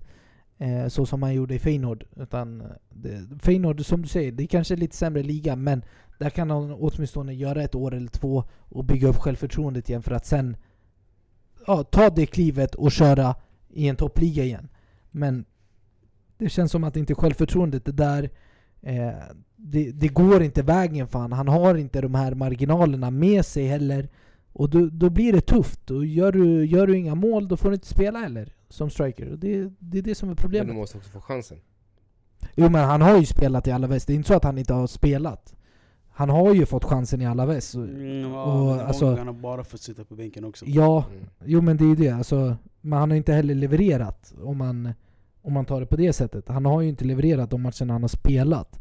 Han har ändå gjort 28 matcher där han har fått minuter på något annat sätt. Mm. Och då, då var det ofta att han fick hoppa in 15-20 minuter och han hade vissa, vissa gånger lägen men han satte inte lägena. Börjar du leverera, ja men då får du mer minuter och det, det brukar vara så. Gör du inte det då hamnar du i frysboxen. Tyvärr. Eh, sen har vi ett tråkigt eh, lag, Villarreal, som tyvärr har tappat väldigt mycket de senaste åren. Bara flugit ner i tabellen och eh, det ser inte bättre ut den här säsongen. När de, eh, de har tappat eh, Fornals och eh, Cherichev bland annat. Och inte hämtat in någon speciell spelare. Jag vet inte, ser ni någon, någon framtid där? Jag måste erkänna, jag har noll koll på Villarreal nu för tiden. Ja, de har ju hamnat så långt ner så jag tror inte Ja, det är så många som har det. Nej, alltså de har, äh, grejen är, de har vissa, vissa spetsspelare. Förra året, eh, för de, de som kollade, Chukwueze. Han var ju en otrolig, Kan, otrolig du, ytter. kan du säga hans namn igen? Jag hörde inte det. Chukwueze. Alltså det var, han, han- var, han var otroligt snabb, teknisk, extremt duktig. De har eh, Toko Ekambi uppe på topp. Får de igång Gerard Moreno som de hämtade in från Se- Espanyol. Han är också en extremt duktig striker för La Liga. Eh, De har ju bra, bra spelare. Ah, Du skriver, du skriver upp dem som om de är så här, vad- eh, vadå, är det, är det, ska de vara utmana om Champions League nu helt plötsligt och kanske till och med vinna? Nej men alltså får de ihop laget så, så ska de ändå kunna ta De Europaplats. extremt var, de var, de var Men det- bara sju poäng från, eh, från regulation. Alltså, Ja, ja alltså, de, men de fick inte ihop spelet förra Ja. året och det, det var ju lite det som var problemet. De måste ju också hitta en identitet någonstans och spela så som de gjorde. Det, det, det, handlar, det handlar inte bara om vilka värvningar du gör. De har spelare för att kunna göra mål och liksom utmana, men det handlar om att få ihop spelet och få ut det mesta utav sina spelare. Det, är- det är ju det det handlar om. De har Asenjo i mål som jag tycker har på något sätt återupplivats i Real, eh, via Real. Och det, det, det, det är väldigt mycket sånt som man måste även titta på. Raúl Albiol har de i laget och Alberto Moreno har de hämtat in nu från Liverpool som eh, vänsterback. Har lyckats behålla Mario Gaspar som jag tycker är en extremt duktig högerback. Mm. Det är så här, alltså, de har, ett, de har stabila spelare för att kunna hamna, hamna i toppenskiktet om man säger så. Mm. Eh, säg topp 10. Och inte vara där nere där de var. Men de måste få spelet att fungera. Vi får se hur det går för de eh, gula ubåtarna i eh, nästa säsong. Eh, nykomlingarna, Granada, Mallorca och Osasuna. Mm. Bara några sista tankar om dem? Ja, alltså de... eh, Ja, alltså jag tycker det är kul att se Osasuna igen i stora scenen men Ja, det var ju ett tag sedan för dem. precis, men inget mer än så. Jag tror inte jag har något att säga om de här tre lagen du rabblade upp. Nej. Kommer inte ihåg vilka det var om jag ska helt ärlig som du sa. Ja, Nej men alltså grejen är, jag tror, jag tror det blir... Eh, de åker ut. Du tror det? Alla tre tillsammans? Hand i Alla hand? tre tillsammans. Hand i hand. De kommer upp tillsammans och åker ner tillsammans. Det tror jag. Ja, det, jag tror inte det blir mer än så. Alltså Osasuna är ju ett extremt defensivt och tufft lag att möta på deras arena. Det har det alltid varit men Mm. jag tror inte det, det går vägen helt enkelt. Eh, innan vi avslutar så tänkte jag att vi kan eh, Vi kan lägga våra predictions på hur vi tror att den här säsongen kommer sluta, i alla fall i toppen om vi kollar på eh, topp 4. Och eh, förra säsongen så hade vi Mustafa som tyvärr inte är här. Han sa att eh, Atletico Madrid skulle vinna, Real Madrid skulle komma tvåa och Barca skulle komma trea. Oj vad fel han hade. Men eh, han får försvara sig nästa gång han är här. Eh, om vi börjar med våran gäst Dejan, vad tror du? Topp 4? Atletico etta, Mm. Barca tvåa, Real trea. Och 4? Fan, det är var skönt. svår, va? Men låt oss säga att jag, jag, jag, jag Ge det till hoppas... Sociedad, ge nej, det till dem. nej, nej, nej, det, det, det, det? är orealistiskt. Men jag tänkte säga, jag tycker synd om Lopetegui, så jag hoppas på honom. Jag kommer hålla tummarna för hans del, så jag ger det. Det är mest liksom så här, för hans skull. Kasse? Eh, jag, jag tror det kommer vara extremt tajt mellan Barca och Atletico. Men jag, jag håller mitt lag som eh, favorit. Eh, vi skakar med ligan. Eh, framförallt med de värvningarna. Så Barca etta, Atletico tvåa. Och eh, sen tror jag det kommer vara tajt. Tredjeplatsen och neråt. Men jag tror eh, Real kommer lösa sina, sina problem och eh, plocka hem tredjeplatsen. Eh, sen tror jag faktiskt Valencia klarar sig kvar. Jag tror de kommer kunna göra något eh, nyförvärv som kommer hjälpa dem. Och Marcelino är en duktig tränare i mitt tycke. Så Valencia tar fjärdeplatsen. Så liknande som förra året egentligen. Dini? Eh, Atletico Madrid etta, Barca tvåa, men som sagt jag tror det vara marginaler mellan de där två. Precis som Nu försöker jag bara rädda dig till nästa säsong. Nej nej, alltså marginaler. Alltså Kassi sa ju att omvänt på att Barca kommer vara etta och tvåa, Atletico Madrid. Jag säger Atletico Madrid etta och Barca tvåa, fast med små marginaler. Tre Real, fyra Valencia. Mm. Alltså det skulle inte förvåna mig om Atletico Madrid vinner om man säger så. Så, så säger han för att Ja, sig också. Sig. Men jag, jag tror på Barca. Okej. Ja. Jag tror att eh, Barca är starkare i år än vad de var förra året. Och, eh, så jag tror att, jag, jag vill inte leka ball, men jag tror ganska garanterat att det är Barca. Jag tror att det kommer vara tight på andra platsen tror jag, mellan Real och eh, Atletico Madrid. Och eh, då skulle jag väl säga att Atletico går före dem då, och Real på tredje plats. Och sen Valencia på fjärde plats. Får jag ändra mig? Real vinner. Real vinner! Real vinner. Shit, Så, det är så jag vill höra från okej. ett fan. Skriv upp det. Jag skrev upp det här är inspelat, oroa skriv upp dig. det. Äntligen! Tack. Ja, Real vinner. Att du la dem på tredje plats från första början. Jag vill, Och vill inte Barca, säga och Barca åker ur va? Va? Barca åker ur va? Nej, Barca, Barca- relegation.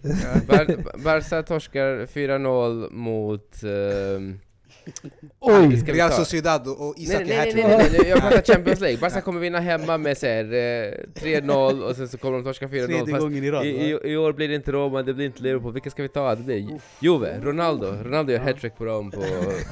Efter jag vunnit första matchen med 4-0 va? ja, det var bra, jag gillar det. All right. Men eh, tack så mycket för att ni kunde joina oss idag och eh, det var skönt att ha lite frisk luft och ha lite ärliga La Liga-experter här och inte bara du vet, låsta människor. De som, de som vet, de vet vilka vi snackar om. All right. men tack för oss och eh, vi åter alldeles Tack. strax. Tack så mycket, ha det bra! Moveselen har den i blodet sen det blir bor igen Så normal vi fortsätter dansa Barn börjar dansa innan första vokalen yeah. Innan go-go gaga Och vi fortsätter tills Aina tar över haket yeah. Tills kissarna gör razzia Svart klubb, det massa rök i lokalen yeah. Fine grades alla Alla dricker som Valhalla, mjöd i glasen yeah. Plus rom och vodka. Uh. Trumman är farligt galet, kombinationer av toner som gör det magiskt. Inte misslyckat uppdrag men vi rör oss tillbaka Sen la ba karnevalen tar över stan.